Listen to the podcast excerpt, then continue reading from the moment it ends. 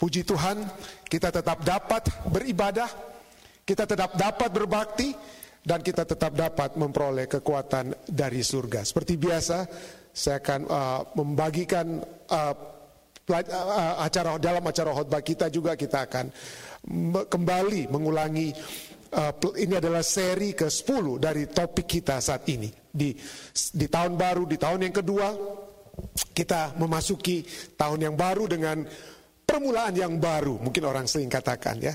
Pada saat kita berbicara tentang tahun baru di Amerika Serikat ini, permulaan yang baru karena kenapa? Orang-orang mungkin merasa bahwa ada yang kurang dibuat di tahun 2020, harus dikembangkan, harus ditingkatkan. Hal-hal yang tidak terjadi di tahun 2020.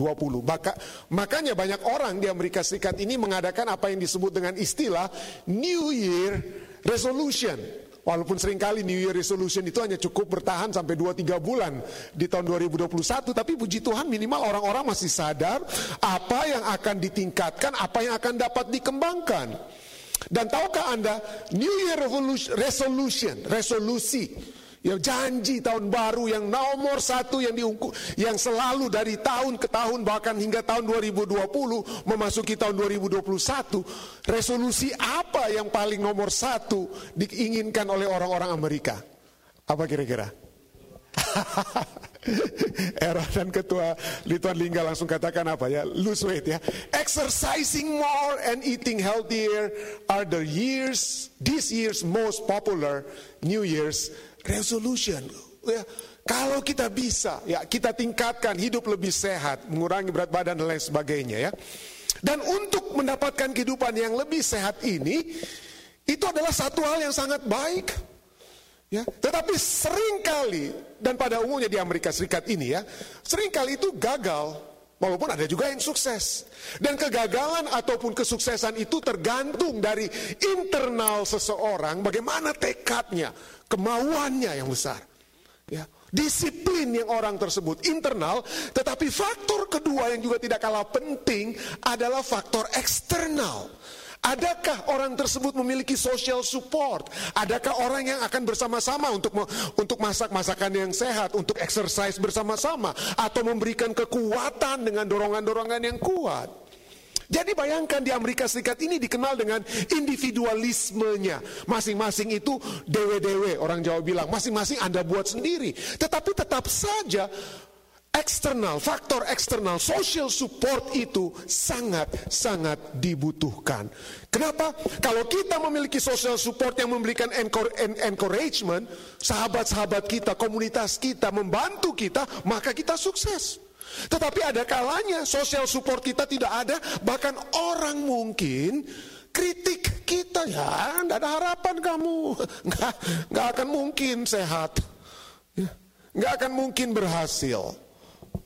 Atau mungkin kita merasa malu dengan dengan keadaan kita, dengan tubuh kita dan lain sebagainya sehingga kita tidak mau mungkin pergi ke gym untuk exercise dan lain sebagainya. Tidak heran Planet Fitness di Amerika Serikat ini di sudut-sudut di di sudut-sudut tempat apa ya mereka untuk orang-orang yang masuk ke gym di Planet Fitness dikatakan apa? No critics. No critics. Jadi tidak ada orang boleh kritik orang lain hanya karena keadaannya. Ya, pada saat mereka masuk ke Planet Fitness. Atau ada satu statement juga yang sering yang terkenal dari dulu ya. Judgment free zone. Jangan menghakimi orang lain. Masing-masing apa ya? Exercise. Mari kita saling menguatkan satu dengan yang lain. Jangan dikritik, jangan dihakimi.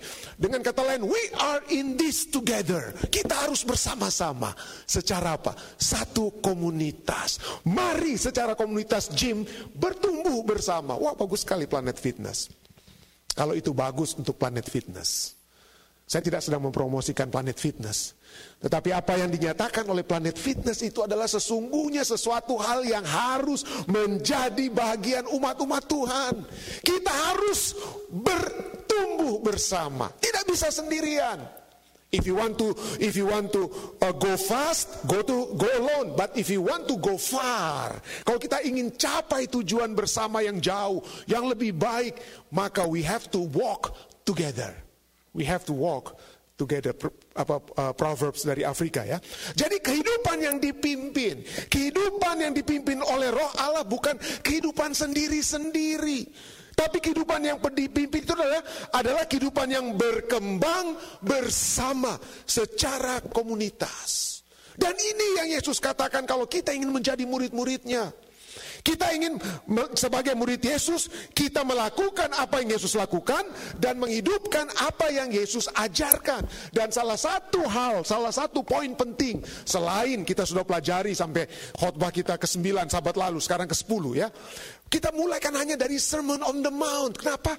Karena inilah the sermon, khotbah utama dan salah satu poin utama adalah pada saat saudara dan saya ingin berkembang, bertumbuh, berubah untuk menjadi lebih baik saat kita bersama-sama masuk ke dalam kerajaan surga, maka itu harus ada usaha bersama.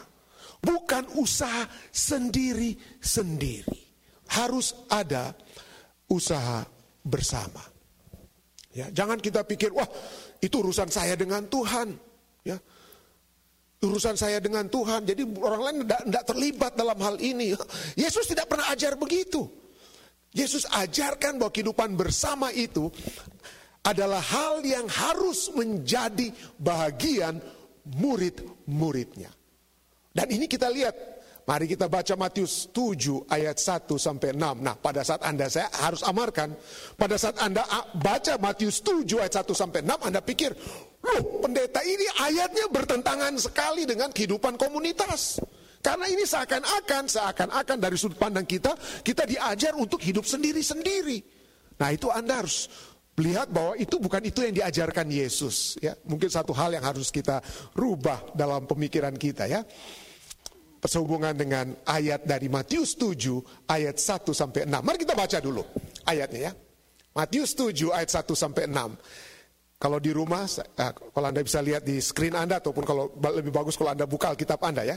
Sana dikatakan, jangan kamu menghakimi. Wah, harus berarti sendiri-sendiri ya.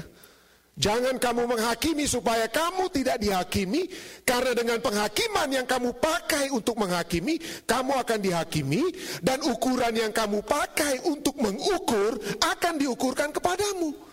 Mengapakah engkau melihat selumbar di mata saudaramu, sedangkan balok di matamu tidak engkau ketahui? Wah pendeta ini ayatnya mengajarkan supaya kita jangan lihat-lihat orang lain. Harus hidup sendiri-sendiri. Siapa bilang? Nanti terus kita terus lihat ya. Ayat 4, ayat 4. Bagaimanakah engkau dapat berkata kepada saudaramu, biarlah aku mengeluarkan selumbar itu dari matamu, padahal ada balok di dalam matamu? Hai orang munafik, keluarkanlah dahulu balok dari matamu, maka engkau akan melihat dengan jelas untuk mengeluarkan selumbar itu dari mata saudaramu. Jangan kamu memberikan barang yang kudus kepada anjing, dan jangan kamu melemparkan mutiaramu kepada babi, supaya jangan diinjak-injaknya dengan kakinya, lalu ia berbalik mengoyak kamu. Ini satu ayat yang kita semua sudah sering dengar boleh bahkan jangan kamu menghakimi supaya kamu jangan dihakimi. Matius 7 ayat 1 adalah salah satu ayat atau mungkin ayat kedua yang paling dihafal oleh orang-orang di Amerika selain Yohanes 3 ayat 16. Ini dia. Jangan kamu menghakimi supaya kamu jangan dihakimi. Waduh. Kenapa ayat ini harus terkenal, sangat terkenal? Karena mungkin dihafal karena itulah yang paling sering kita langgar. Ayat yang paling sering kita langgar. Ya, kenapa? Karena kita semua memiliki prejudis. Tidak ada seorang pun di dunia ini yang bebas dari menghakimi. Bukan hanya Anda, saya, kita semua. Kita semua. Gampang untuk cari tahu bagaimana buktinya pendeta kita menghakimi. Gampang. Ya. Kita semua memiliki prejudis. Anda, kalau Anda yang tidak mengenal saya, lalu dengar, oh siapa nama Anda? Stephen. Stephen apa? Rantung. Wah, dengar kata rantung, langsung Anda pikir apa? Rantung, Menado. Lalu setelah Anda melihat kata Menado, lalu kata apa berikutnya setelah kata Menado? Menang aksi doang. Jadi itu dihubung-hubungkan. Jadi seakan-akan itu yang apa? Melekat pada saat kita mendengar orang ini, dari mana dia berasal, lalu ada, langsung ada apa? Pandangan yang kita miliki terhadap orang tersebut. Ah, itu mungkin di di masyarakat umum. Tapi masyarakat gereja bagaimana? Buktinya apa? Gampang. Seringkali pada saat kita berkhotbah, pada saat kita mendengarkan khotbah, sekalipun kita sering kali pikir, waduh, ini pendeta bagus, puji Tuhan pendeta. Pendeta ada khotbah akan, pendeta ada khotbah akan sahabat lalu itu tepat pendeta untuk kita punya anak. Ini kita punya anak memang perlu dengar khotbah tersebut. Jadi seakan-akan kita melihat sesuatu, mendengar sesuatu, membaca sesuatu, kita tidak aplikasikan diri kita, langsung kita pikir orang lain yang membutuhkan apa? Orang lain yang membutuhkan pekabaran tersebut. Tetapi tahukah Anda, ini yang menjadi masalah, kenapa? Karena pada saat kita mengekspresikan apa yang satu kebenaran, satu firman kepada orang lain, sesungguhnya kita yang sedang bermasalah. Kenapa? Karena sesungguhnya yang terjadi kita sedang melihat kekurangan kita, tapi kita bandingkan dengan orang lain dan kita pikir, waduh dia lebih banyak masalahnya, itu membuat kita merasa lebih apa? Enak. Defense mechanism kita. Dan itulah sebabnya dengan adanya defense mechanism kita justru melihat orang lain yang lebih membutuhkan khotbah ini, yang lebih membutuhkan pekabaran ini, di situlah kita sedang menghakimi orang lain. Jangan kamu menghakimi supaya kamu tidak dihakimi. Boleh dikatakan ini adalah satu ayat yang paling sering disalah mengertikan. Ada dua poin. Ada dua poin kenapa ini sangat sering disalah mengertikan. Kenapa? Pengerti, kesalah pengertian yang pertama, sering kali orang mendengar ayat ini katakan jangan kamu menghakimi, lalu mereka katakan oh ini bagus pendeta. Ini artinya pendeta jangan menghakimi saya. Ya, do not judge me. Atau orang orang lain tidak boleh menghakimi saya. Orang lain tidak boleh menghakimi. Don't judge me. Ayat ini tidak katakan don't judge me. Tapi ayat ini katakan don't judge others. Jangan menghakimi orang lain. Kenapa? Karena faktanya apa pun yang Anda mau bilang, apa pun yang Anda yang mau buat, you will be judged. Anda apa pun Anda yang mau bikin, Anda pasti pasti akan dihakimi. Ayat ini tidak katakan, oh jangan bilang ke orang lain, don't judge me. Tidak. Kenapa? Karena Yesus sendiri yang hidupnya baik, dia dihakimi dari segala sudut di setiap saat. Selalu dihakimi. In other words, kita harus sadar sebagai umat-umat Tuhan. Kita harus sadar. Saya sebagai pendeta, Anda sebagai umat-umat Tuhan, siapa saja kita. Kita harus sadar dan mengharapkan kita akan selalu dihakimi. Kita akan selalu dihakimi. Kita tidak bisa bersembunyi. Orang tahu siapa kita. Orang tahu pendeta rantung itu siapa. Orang tahu Elisa Siregar itu siapa. Lalu mereka akan melihat kita mereka akan melihat apakah saya pendeta rantung, perkataan saya sesuai dengan apa? Perbuatan saya. Kita tidak bisa lari bea, orang Manado bilang. Kita tidak pernah bisa bersembunyi. Banyak orang sering kali orang-orang katakan, oh jangan ikuti saya sebagai pendeta, sebagai pendeta ya Anda harus ikut Yesus. Bukan begitu. Rasul Paulus saja katakan apa ya? Dia orang berdosa tapi dia katakan dia tidak bisa sembunyi sampai dia harus katakan ikutlah aku. Lihatlah aku harus menjadi contoh. Kenapa? Karena kita tidak bisa bersembunyi dari dihakimi oleh orang lain. Ah, ini mungkin Anda rasa berat. Betul, berat. Untuk selalu dihakimi berat. Dapatkah Anda tangani sendiri? Tidak dapat. Nanti kita lihat ada solusinya di akhir khotbah ini ya. Tidak, tapi kita akan selalu dihakimi. Ya. Our main concern, ya, our main concern bukannya saya tidak jangan dihakimi, tapi janganlah saya apa? Dihakimi. Janganlah saya dihakimi. Apa pun orang bilang kepada saya, apa pun penghakiman orang kepada saya, walaupun itu mungkin benar, mungkin salah, that is not our business. Jangan sakit hati, itu pasti akan terjadi itu pasti akan terjadi. Jadi poin pertama, misunderstanding yang pertama adalah itu bukan berarti don't judge me. Poinnya adalah don't judge others. Itu yang pertama. Yang kedua, nah kalau itu don't judge others, wah ini pendeta, apakah ini berarti bahwa saya tidak boleh menghakimi orang lain? Ya. Ini sering kali misunderstanding yang misunderstanding yang kedua ya. Misunderstanding. Don't judge others. Wah, kita harus diam-diam saja pendeta. Jangan kita orang lain buat kesalahan, jamin aja, jamin. Nanti tunggu tahun seri, seribu tahun, nanti pada saat Yesus datang, kita di surga, baru kita hakimi orang yang bersalah. Saat ini, diam-diam, kesalahan-kesalahan di gereja, diam-diam, tutup mata, pendeta, tutup mata. Jangan jangan menghakimi. Mari kita urus keselamatan kita masing-masing. Itu urusan pribadi mereka dengan Tuhan, bukan urusan kita pendeta. Bukan urusan kita. Apakah ayat ini mengajarkan pada kita untuk diam-diam saja? Dan biarkan dosa, kesalahan, destructive behaviors diperbaiki atau tidak diperbaiki bukan urusan kita. Apa artinya? Do not judge others. Kalau kita lihat Alkitab, kalau kita mau lihat Alkitab, Alkitab tidak mengajarkan hal tersebut. Mungkin Anda kaget. Kenapa? 1 Tesalonika 5 ayat 14, kami juga menasihati kamu saudara-saudara, tegurlah mereka yang hidup dengan tidak tertib. Harus kita melihat orang yang hidupnya tidak tertib, lalu bukan diam-diam, tegur. 1 Tesalonika 5 ayat 14, 2 Timotius 4 ayat 2, tegurlah dan nasihatilah dengan segala kesabaran dan pengajaran. Jadi orang-orang yang salah, ya nyatakanlah apa yang salah, harus kita nyatakan, jangan diam-diam. Ya, 2 Timotius 4 ayat 2 secara lengkap katakan apa? Beritakanlah firman, siap sedialah baik atau tidak baik waktunya. Jangan tunggu-tunggu waktu yang baik ya.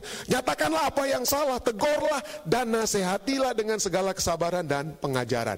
Kitab Yudas, kitab Yudas hanya satu fatsal. Ya. Jadi Yudas ayat 22 dan 23 katakan, Tunjukkanlah belas kasihan kepada mereka yang ragu-ragu.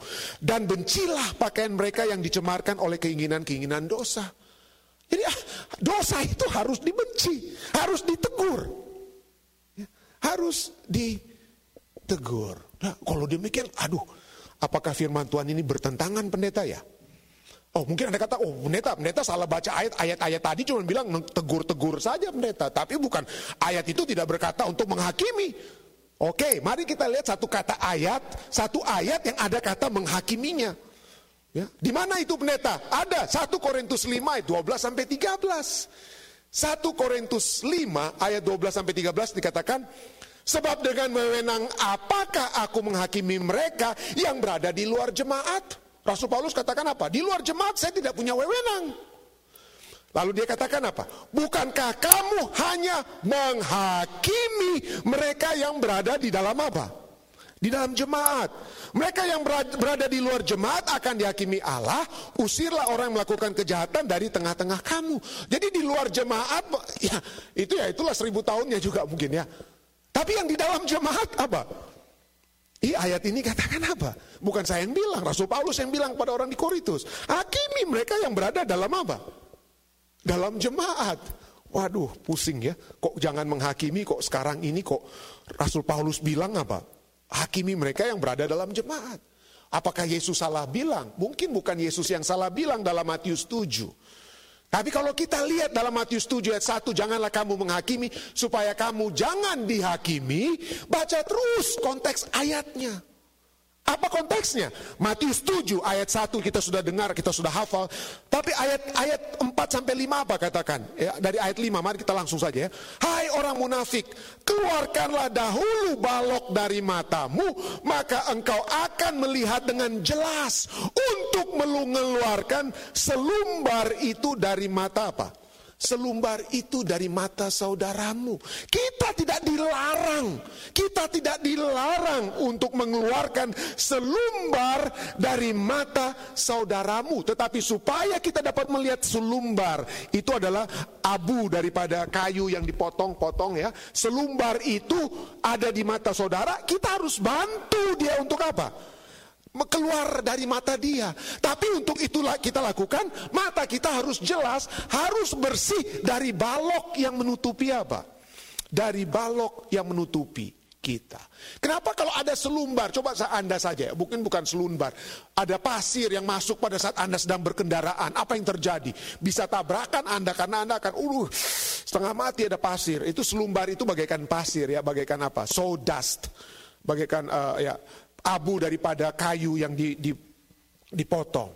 Jadi masalahnya bukan perintah untuk melarang kita menghakimi, masalahnya bukan larangan menghakimi, tapi cara cara kita menghakimi. Caranya bagaimana? Ada dua. Ada dua cara. Yang pertama, Ayat 2 katakan Matius 7 ayat 2 Karena dengan penghakiman yang kamu pakai untuk menghakimi Kamu akan dihakimi dengan ukuran yang kamu pakai untuk mengukur Akan diukurkan kepadamu. The measurement. Ya, the measurement. Dia punya apa? Ukuran yang dipakaikan kepada orang lain Itu akan dipakaikan kepada kita. Jadi dengan kata lain pada saat kita mau membuat teguran koreksi Sudahkah kita juga pertama-tama menerima teguran tersebut bagi diri kita sendiri. Jangan kita double standar. Oh pendeta jagonya hot, hot banget pendeta ngomong. Tapi di rumah pendeta nggak bikin sama ibu pendeta atau anak-anak pendeta. Itu kan double standar. Apa yang saya harapkan dari anggota jemaat Fisdak, tapi saya tidak buat sendiri di rumah saya, maka saya memiliki apa yang disebut dengan istilahnya double standard. Ya. Jadi pada saat kita hendak menghakimi, Ya, nanti saya akan jelaskan kata hakimi tersebut ya. Pada saat kita hendak menghakimi di dalam community of believers, di dalam jemaat, kita harus berhenti lebih dulu. Eh, hati-hati, tenang dulu. Ya. Pause, stop, look and listen. Ada warning sign ber berkedip, berkelap-kelip ya. Klip-klip ya. Serius, eh hati-hati mau bilang tentang orang lain, apa Anda sudah menghidupkan hal tersebut? Bilang, bilang orang lain jangan mulu-mulu, Anda sendiri mulu-mulu.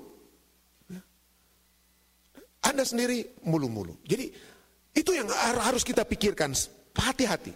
Ukuran itu harus diberikan kepada kita. Kenapa? Karena kita sering kali seperti saya katakan tadi, defense mechanism supaya kita merasa lebih enak, lebih baik. Oh, pendeta saya uh, mulu-mulunya saya tidak sebesar ketua ini, mulu-mulunya lebih hebat. Jadi kita sering kali self self self defense mechanism kita kita refleksikan kepada orang lain. Tapi bagaimana cara kita meng, meng, meng, menghindari hal tersebut? Ya. Yaitu apa yang kita lihat adalah self awareness. Kita harus sadar Ukuran itu akan diukur kepada kita, kita harus sadar, kita harus, orang Manado bilang, bakaca ngana sayang. Lihat dulu diri kita. Matius 7 ayat 3 sampai 4 katakan apa? Mengapakah engkau melihat sesum selumbar di mata saudaramu? Abu, abu kayu di mata saudaramu, sedangkan balok di dalam matamu tidak engkau ketahui. Balok itu lebih besar daripada abu. Bagaimanakah engkau dapat berkata kepada saudaramu, biarlah aku mengeluarkan selumbar itu daripada matamu, padahal ada balok di dalam apa? Matamu. Coba anda lihat gambar ini, ini balok itu besar sekali. Selumbar itu kecil sekali. Seringkali dosa orang yang kecil, kita lihat, kita besar-besarkan. Kita besar-besarkan padahal kita memiliki dosa yang jauh lebih besar. Halus ada self introspection. Kita melihat masalah orang lain, oh kita demo lah masalah orang tersebut. Eh lihat dulu dong. Ukuran dipakai kepada Anda dan berikutnya apakah Anda memiliki balok padahal orang lain itu hanya memiliki apa? Memiliki selumbar. Ya. Maybe Anda katakan, oh saya tidak punya itu balok. Siapa bilang? Mungkin anda, anda sudah tertutup sama sekali mata Anda dengan balok sampai Anda tidak sadar ada balok yang menutupi mata kita. Ya. Kita diminta untuk apa? Mengeluarkan selumbar. Tidak dilarang mengeluarkan selumbar di mata orang lain. Harus. Nanti kan kita akan lihat. Harus mengeluarkan selumbar dosa, kesalahan di mata orang lain. Tapi keluarkan dulu balok di mata kita. Minggu ini di Amerika Serikat kita mengalami hal yang tidak boleh dikatakan sangat menyedihkan ya di Amerika Serikat. Tapi yang lebih, yang bagi saya sebagai seorang pendeta, yang lebih menyedihkan sekali adalah bukan hanya karena pusat demokrasi Amerika itu di, dimasuki oleh insurrection namanya ya, oleh rioters, orang-orang yang berdemonstrasi secara merusak. Ya, ya. Tetapi yang saya lihat adalah pada saat mereka masuk untuk merusak Capitol Building di Amerika, gedung MPR DPR di Amerika Serikat ini. Orang-orang yang masuk itu banyak banyak di antara mereka membawa nama Yesus. Membawa nama Yesus, Jesus save. Ada satu gambar yang tulis di, di, di pakaian mereka, you need Jesus. Dan pada saat mereka hendak membongkar pintu, membongkar kaca untuk masuk ke dalam gedung Kapitol dan kemudian masuk merangsak beberapa kantor para kongresmen ataupun senator. Ada satu banner di situ yang dibawa masuk untuk merusak pintu. Judul ditulis di banner tersebut apa? Jesus save. Yesus apa? Save. Menyelamatkan. Aduh. Yesus menyelamatkan. Yesus menghidupkan. Empat orang mati. Satu polisi mati. Jesus saved. Really? Yesus menghidupkan. Dan ada orang mati. Oh mereka berkatakan, what else can we do? Pada saat demonstrator writers ini setelah mereka masuk, what else? Sudah ditanya, kenapa kamu harus merusak? Apakah ini memang dikendaki untuk demokrasi kita? Dan mereka katakan, what else can we do? We have to take the matter into our hands. Kita harus masuk dengan menggunakan kekuatan kita. Karena katanya Supreme Court tidak bantu, ini tidak bantu. Nah, kita yang sekarang, we the people. We the people. With the power of Jesus. with the power of Jesus.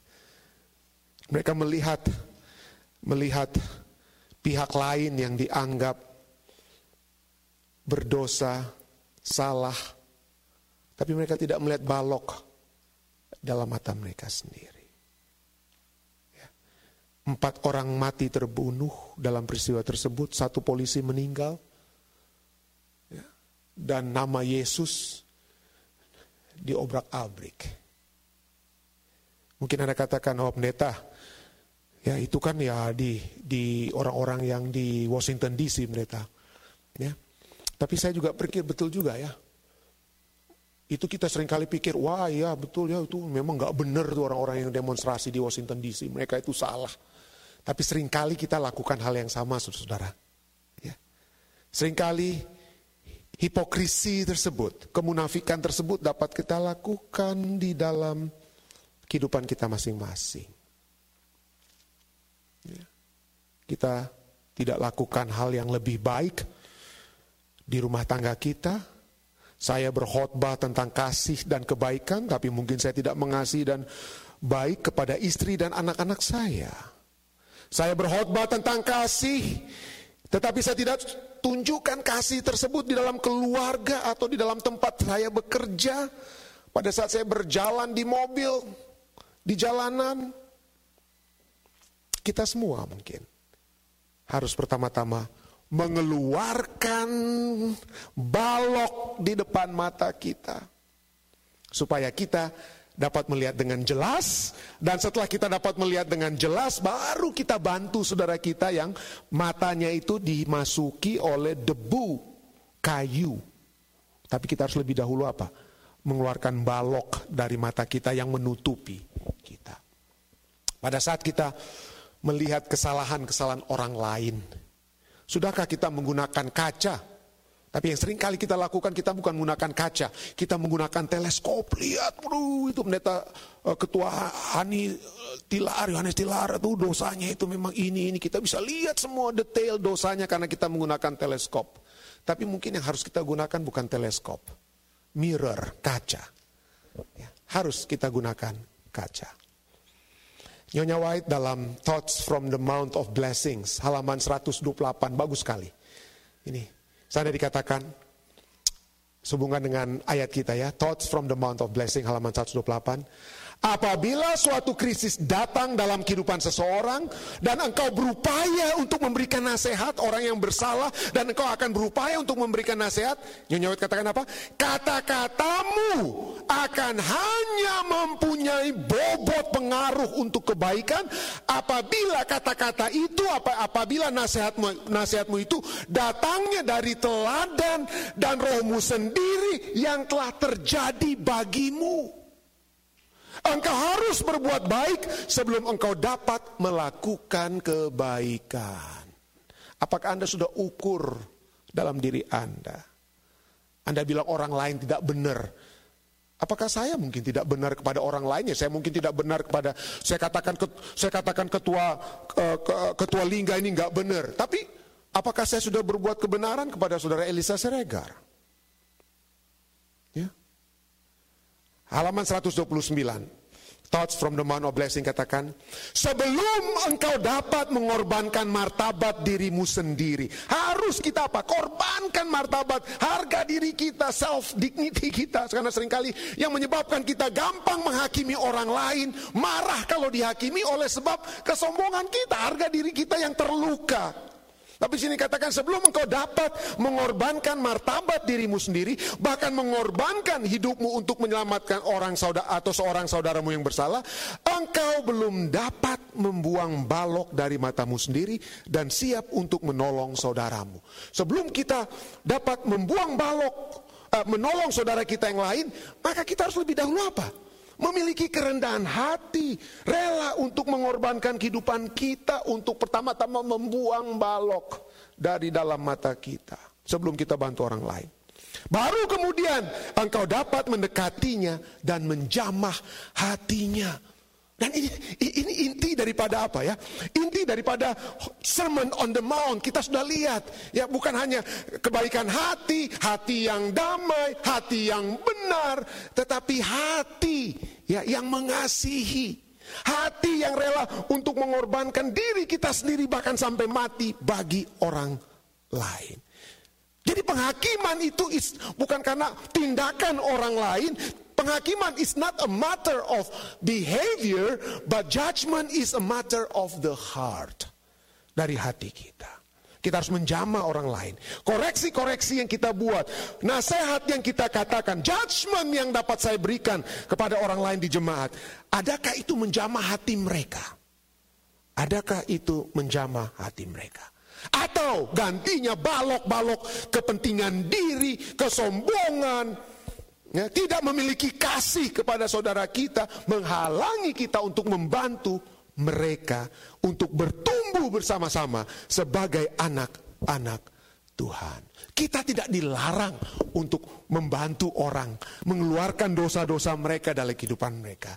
Tapi pertama-tama alamilah dulu kebahagiaan saat dosa-dosa tersebut kita sudah apa? Dengan pertolongan surga sudah kita apa?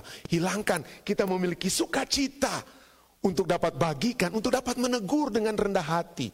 Menegur karena kita mengasihi saudara kita. Agar supaya mereka juga dapat memiliki pengalaman pengampunan Tuhan yang sudah menjadi bagian kita, dapat juga menjadi bagian mereka. Kita tidak dilarang untuk menghakimi, tapi kita diminta untuk menghakimi seperti Kristus. Kita diminta untuk menghakimi seperti Kristus. 2 Timotius 4 ayat 8 katakan, bahwa Tuhan kita itu adalah hakim yang adil. 2 Timotius 4 ayat 8, Yohanes 1 ayat 14, dia adalah anak tunggal Allah yang penuh kasih karunia dan kebenaran. Dia menghakimi Allah kita yang hakim adil itu karena dia memiliki kasih karunia dan kebenaran. Dan kalau kita pun mau menghakimi seperti Yesus, maka kita harus menjadi hakim yang adil yang memiliki kasih karunia dan kebenaran. Dan tidak heran, Yohanes 7 ayat 24 mengajarkan kepada kita semua, ya, Janganlah menghakimi menurut apa yang tampak, yang nampak, tetapi hakimilah dengan adil. Kita tidak dilarang, tapi hakimilah dengan apa? Adil. Jadi penghakiman yang bagaimana yang dimintakan untuk kita lakukan, itu yang dikenal dengan istilah atau mungkin dapat saya sebutkan dengan precious judgment. Penghakiman yang berharga. Kenapa berharga penghakiman tersebut? Kita menghakimi orang lain bukan supaya kita itu memiliki perasaan lebih tinggi karena dosa mereka lebih besar dari dosa saya, kesalahan mereka lebih besar dari saya, sehingga saya bisa diangkat lebih tinggi daripada mereka. Seperti orang-orang Farisi katakan, oh ini orang berdosa, tapi saya buat ini, saya buat itu, buat itu, supaya diri saya diangkat. Tetapi precious judgment itu adalah diberikan agar supaya kita semua, umat-umat Tuhan, dalam satu komunitas, berjalan bersama, masuk dalam kerajaan surga. Dan itulah, itulah Injil tersebut. Precious judgment itu harus diberikan. Walaupun ada orang yang tidak mau mendengar teguran. Ada orang yang tidak mau mendengar precious judgment, feedback, teguran yang ber, apa, kritik yang membangun. Tidak heran kita sudah baca Matius 7 ayat 1 sampai 5. Ayat 6 itu berbicara tentang precious judgment yang akan ditolak oleh orang-orang yang tidak mau menerima. Matius 7 ayat 6 katakan setelah jangan kamu apa? Menghakimi dan lain sebagainya. Matius 7 ayat 6 katakan apa? Jangan kamu memberi barang yang kudus kepada anjing. Waduh. Dan kau, jangan kamu melemparkan mutiaramu kepada babi. Jadi pada saat kita diperintahkan seperti ini loh, katanya jangan menghakimi. Ya, itulah saya katakan tadi kan, kita bukan dilarang untuk menghakimi, kita harus menghakimi, kita harus memiliki discernment, kita harus dapat membedakan. Ya, dengan cara apa? Kita pertama-tama sudah dihakimi lebih dahulu dan kemudian adalah apa? Kita bawakan dengan kebaikan, dengan kasih, karunia. Lalu kita bawakan kepada orang, tapi juga pada saat bersamaan kita harus lihat apakah teguran-teguran saya ini diterima atau ditolak. Kalau ditolak, maka ini yang dikatakan oleh firman Tuhan, bukan oleh pendeta Rantung ya. Jangan kamu memberikan barang yang kudus. Apa itu barang yang kudus? Barang yang kudus itu adalah precious judgment itu.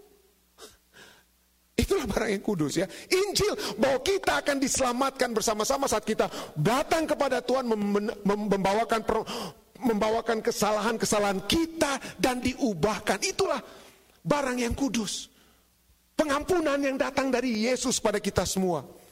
Tapi jangan kamu memberikan barang yang kudus kepada anjing dan jangan kamu melemparkan mutiaramu kepada babi supaya jangan diinjak-injaknya dengan kakinya lalu ia berbalik mengoyak kamu. Percuma. Mau memberikan precious judgment, menegur kepada orang-orang yang pembuat onar dengan kata lain. Ya. Tapi kita harus, ya. harus kita apa ya? Precious judgment itu harus. Kenapa? Supaya kita saling menguatkan ya. Tapi ada kalanya precious judgment itu ditolak bahkan ditentang oleh orang-orang yang suka buat onar. Oh apa apa buktinya pendeta tentang kenapa ada anjing dalam gereja? Oh, iya, terus terang saja. Firman Tuhan katakan ada yang akan menolak. Di mana buktinya? Ya, kalau kita tadi baca, jangan kamu memberikan barang yang kudus pada anjing, Matius 7 ayat 6, dan jangan, jangan kamu melemparkan mutiaramu kepada babi karena percuma. 2 Petrus 2 ayat 22 berbicara tentang anjing dan babi tersebut di dalam gereja. Apa dikatakan di sana? Bagi mereka ya cocok apa yang dikatakan peribahasa yang benar ini. Anjing kembali kepada muntahnya dan babi yang mandi kembali lagi ke kubangannya. Bu ini bukan anjing-anjing piaraan tapi anjing liar. Yang akan selalu kembali kepada kondisi berdosa mereka. Yang tidak mau dididik. Anjing anjing piaraan di rumah bisa dilatih dan dididik, tapi anjing liar, anjing liar yang disebutkan di sini di 2 Petrus 2 ayat 22 maupun Matius 7 ayat 6 itu berbicara tentang anjing liar yang tidak tak yang kondisinya itu kondisi berdosa. Tidak heran dikatakan apa? Bagi mereka cocok apa yang dikatakan peribahasa yang benar ini. Nah siapa mereka ini dalam 2 Petrus 2 ayat 21?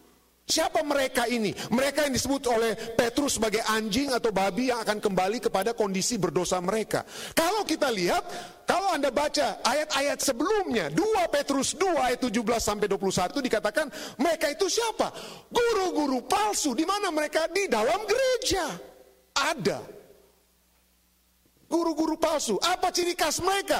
Firman Tuhan tidak tidak biarkan kita tanpa tuntunan. Firman Tuhan akan selalu memberikan tuntunan. Siapa mereka ini? Kita baca ayat 18. Mereka yang mengucapkan kata-kata yang congkak dan hampa dan mempergunakan nafsu cabul untuk memikat orang-orang. Ayat 19, mereka ini menjanjikan kemerdekaan kepada orang lain, padahal mereka sendiri adalah hamba-hamba kebinasaan hamba-hamba kebinasaan. Ayat 20, mereka telah melepaskan diri dari kecemaran-kecemaran dunia, sudah jadi orang-orang benar pada mulanya. Tetapi terlibat lagi di dalamnya, maka akhirnya keadaan mereka lebih buruk daripada yang semula. Dan di ayat 21 katakan lebih baik mereka tidak dengar kebenaran daripada mereka sekarang keadaannya menjadi lebih buruk. Ya.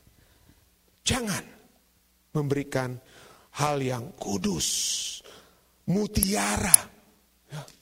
teguran Tuhan, penghakiman Tuhan yang Tuhan sudah berikan dan dapat kita bawakan kepada orang lain itu adalah precious judgment yang membawa orang melihat kesalahannya, melihat balok ataupun selumbar di mata kita datang kepada Yesus. Itu sangat berharga.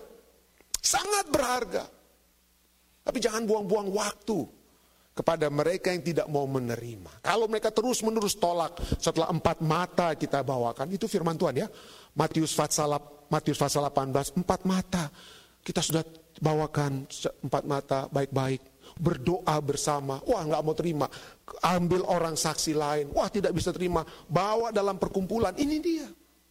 Karena kita mau membawakan precious judgment tersebut. Ya, kita bawakan teguran yang berharga tersebut. Tapi ada yang tidak dapat bawakan. Tapi kita harus bawakan. Jangan karena katakan, wah pendeta ayat ini katakan jangan kamu menghakimi. Jadi kita diam-diam saja kalau orang bersalah. Anda salah menginterpretasikan ayat tersebut. Kita salah menginterpretasikan ayat tersebut. Kenapa? Galatia 6 ayat 1 sampai 2 katakan, saudara-saudara, kalaupun seorang kedapatan melakukan pelanggaran, kalau ada yang melakukan pelanggaran, maka kamu yang rohani, kamu yang rohani harus memimpin orang itu ke jalan yang benar dalam roh lemah lembut, bukan roh bilang, eh salah kamu, ketua salah ini ketua. Bukan begitu cara kita ya sambil menjaga dirimu sendiri supaya kamu jangan kena pencobaan. Bertolong-tolonglah kamu menanggung bebanmu, demikianlah kamu memenuhi hukum Kristus. Precious judgment harus kita saling lakukan satu dengan yang lain. Itu hukum Kristus, ayat ini katakan. Tapi untuk melakukannya, untuk membawakan precious judgment tersebut, dikatakan ayat ini kamu yang rohani. Loh, Ya, siapa yang rohani pendeta ya? Yang harus membawakan. Ya, bagaimana cara kita mengetahui kita rohani?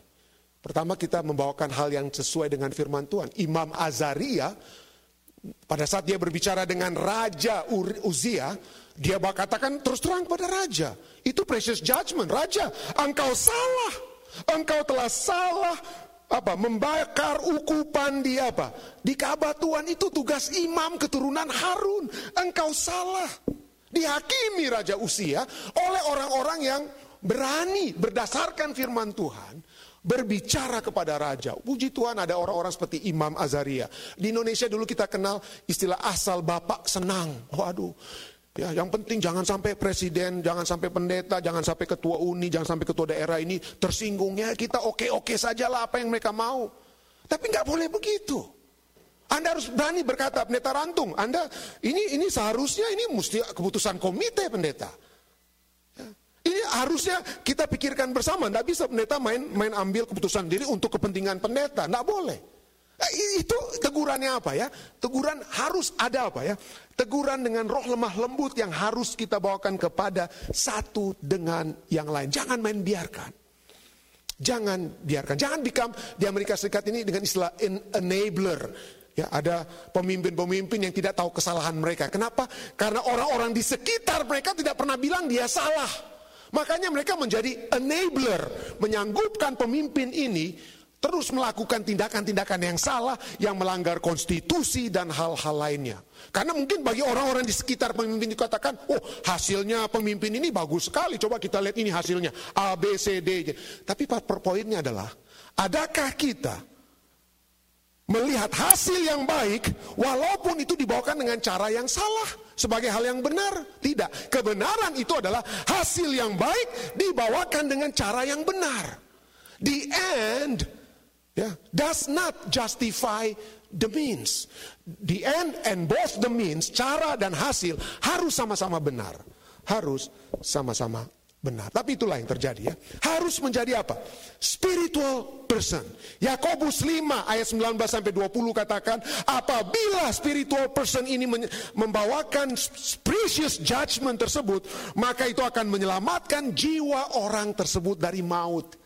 Anda akan menyelamatkan saya, pendeta Rantung, kalau Anda melihat kesalahan saya, lalu Anda dengan roh lemah lembut, dengan dengan doa bawakan itu kepada saya. Anda akan menyelamatkan saya dan Anda akan menutupi banyak dosa. Menutupi banyak dosa bukan berarti dosa itu kita biarkan, tapi dosa itu dikuburkan. Dosa itu dikuburkan.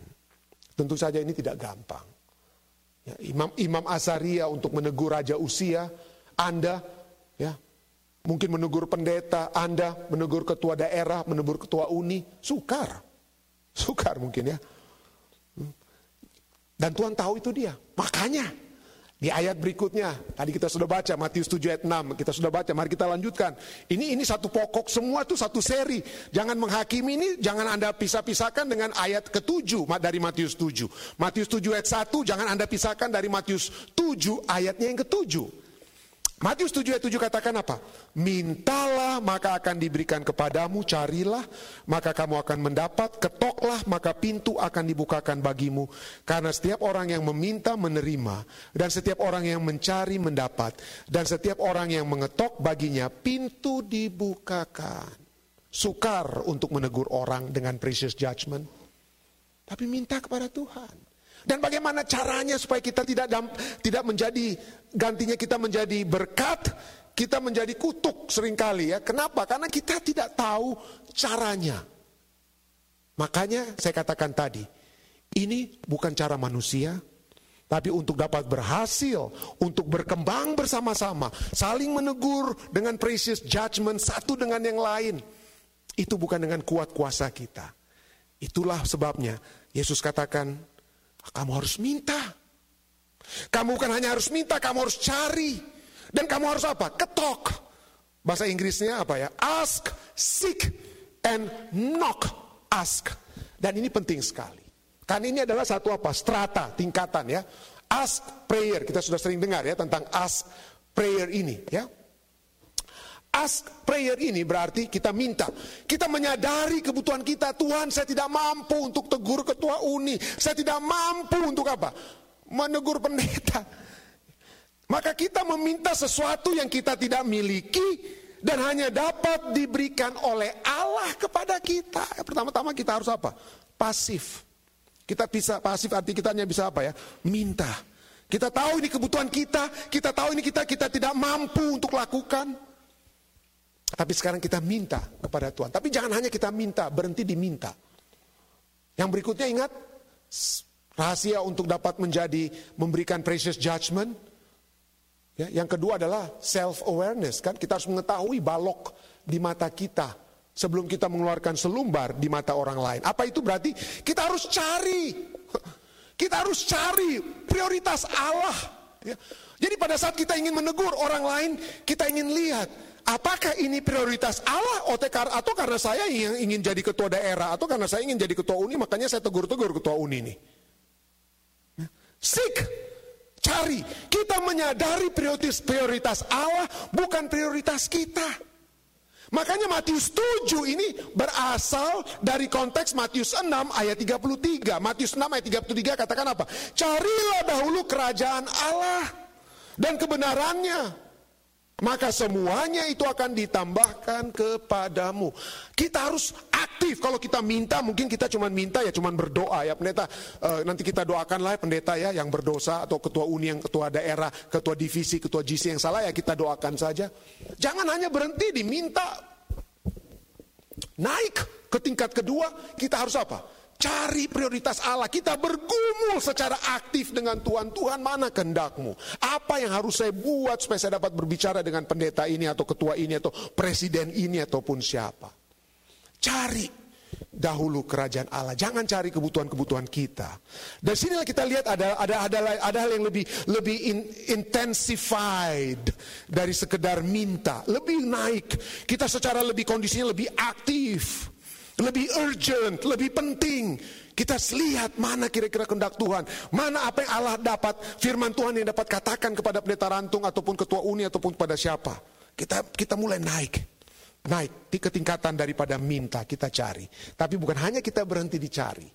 Berikutnya sebelum kita dapat setelah kita dapat melihat, setelah kita dapat melihat balok di mata kita, pada saat kita mencari ini, kita akan mengeluarkan balok. Ah, Tuhan, teguran saya ini apa karena saya ingin jadi saya ingin jadi posisi ini Tuhan atau apa kira-kira kehendak Tuhan. Jadi kita introspeksi itu dicari ya. Kita mencari kehendak the will of God. Poin ketiga yang harus kita miliki pada saat kita setelah kita mencari, maka poin ketiga tersebut adalah apa? Knock.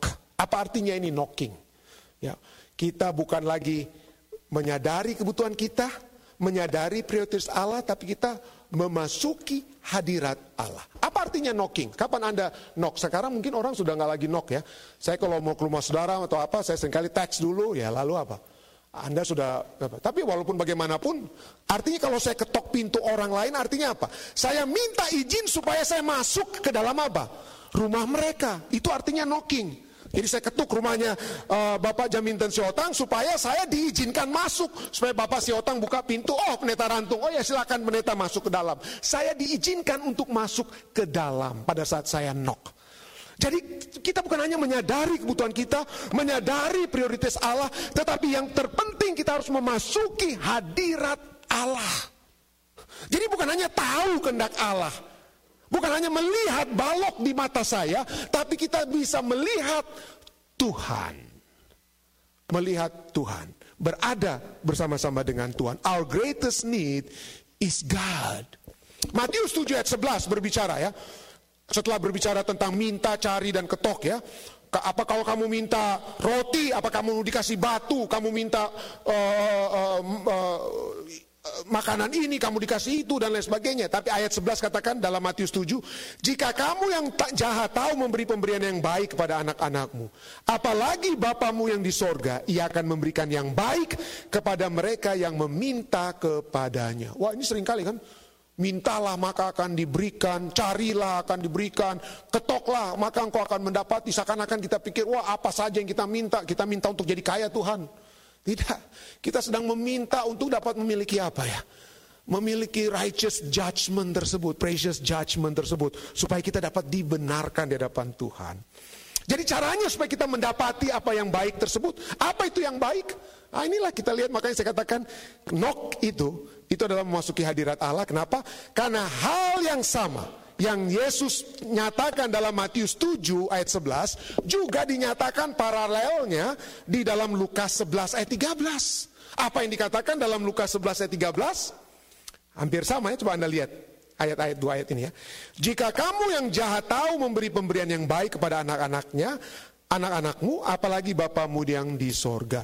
Ia akan memberikan apa? Yang baik, ayat ini katakan, ia akan memberikan roh kudus kepada mereka yang meminta kepadanya. Jadi ayat ini bukan hanya kita minta cari ketok untuk kekayaan. Betul, Tuhan dapat berikan berkat pekerjaan, betul. Status imigrasi, betul kita dapat minta. Tetapi yang di ultimate, the ultimate goal, the ultimate gift, pemberian terbesar yang dapat Tuhan berikan kepada kita saat ini adalah roh Kudus yang menuntun kita untuk dapat menegur orang yang salah supaya mereka berbalik dari kesalahan mereka.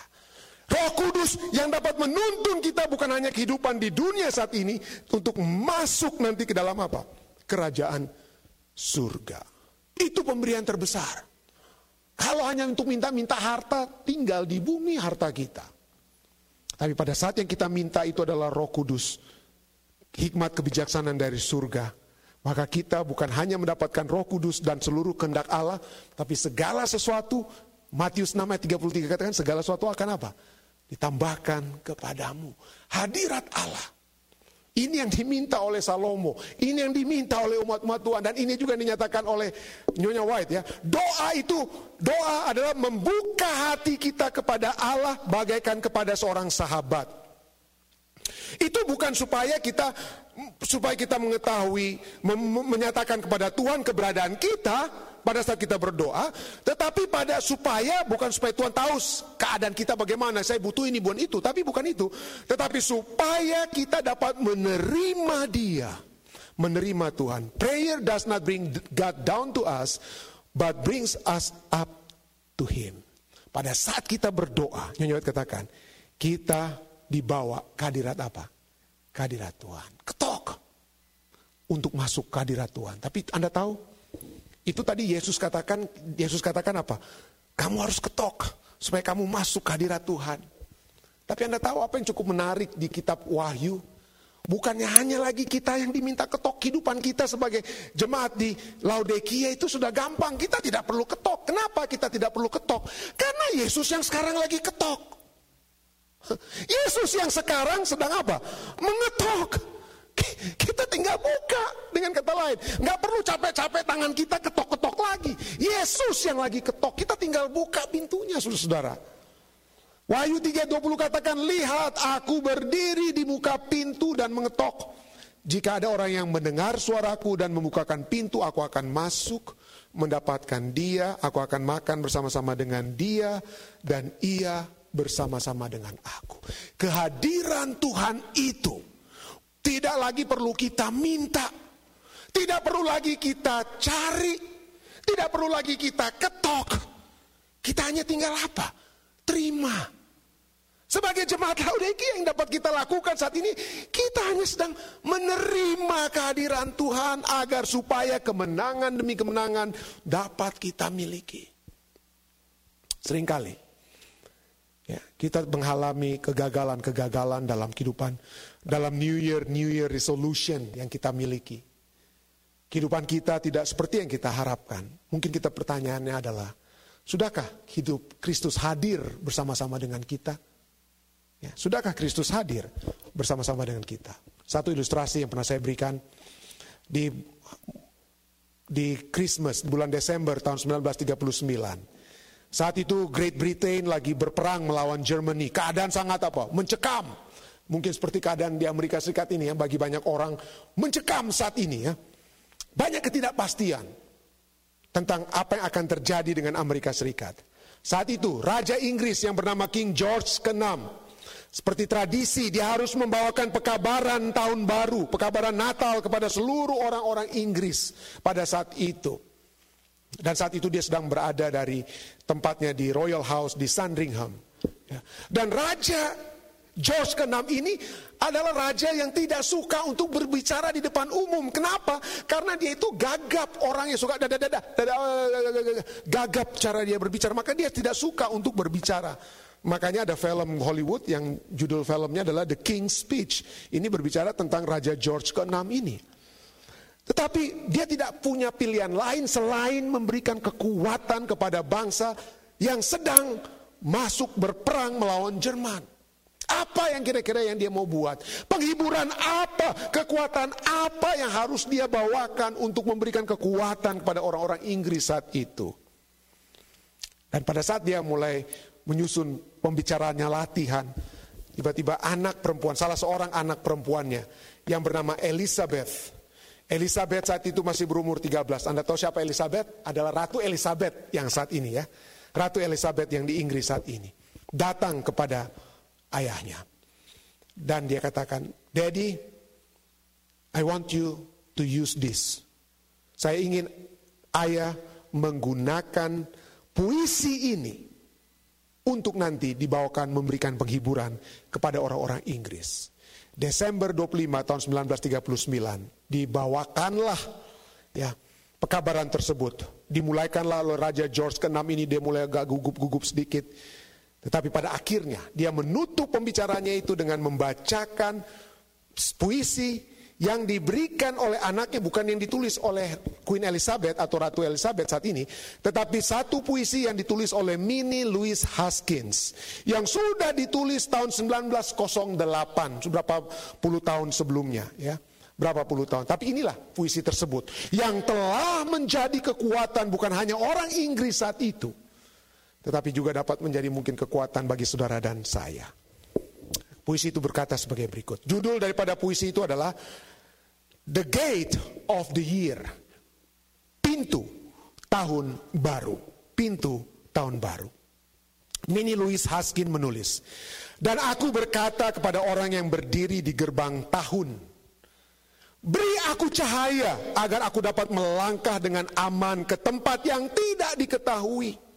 Beri aku cahaya supaya aku dapat aman berada di jalan yang tidak aku ketahui. Beri aku lampu, cahaya supaya aku dapat melihat apa yang akan terjadi di tahun 2021.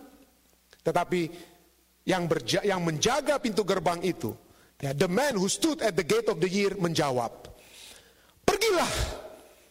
Pergilah ke dalam kegelapan dan letakkanlah tangan Anda ke dalam tangan Tuhan."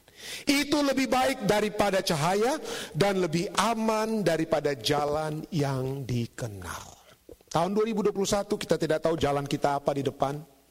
Kita memiliki jalan baru, tidak ada penerang di jalan tersebut. Tapi jangan khawatir, kenapa? Kalau kita meletakkan tangan kita ke tangan Tuhan, maka kehadiran Tuhan itu akan menyanggupkan kita masuk ke jalan yang baru yang gelap sekalipun, kita tidak perlu takut. Karena ada Tuhan bersama-sama dengan kita. Saya bawa ini dalam nama Yesus. Amin.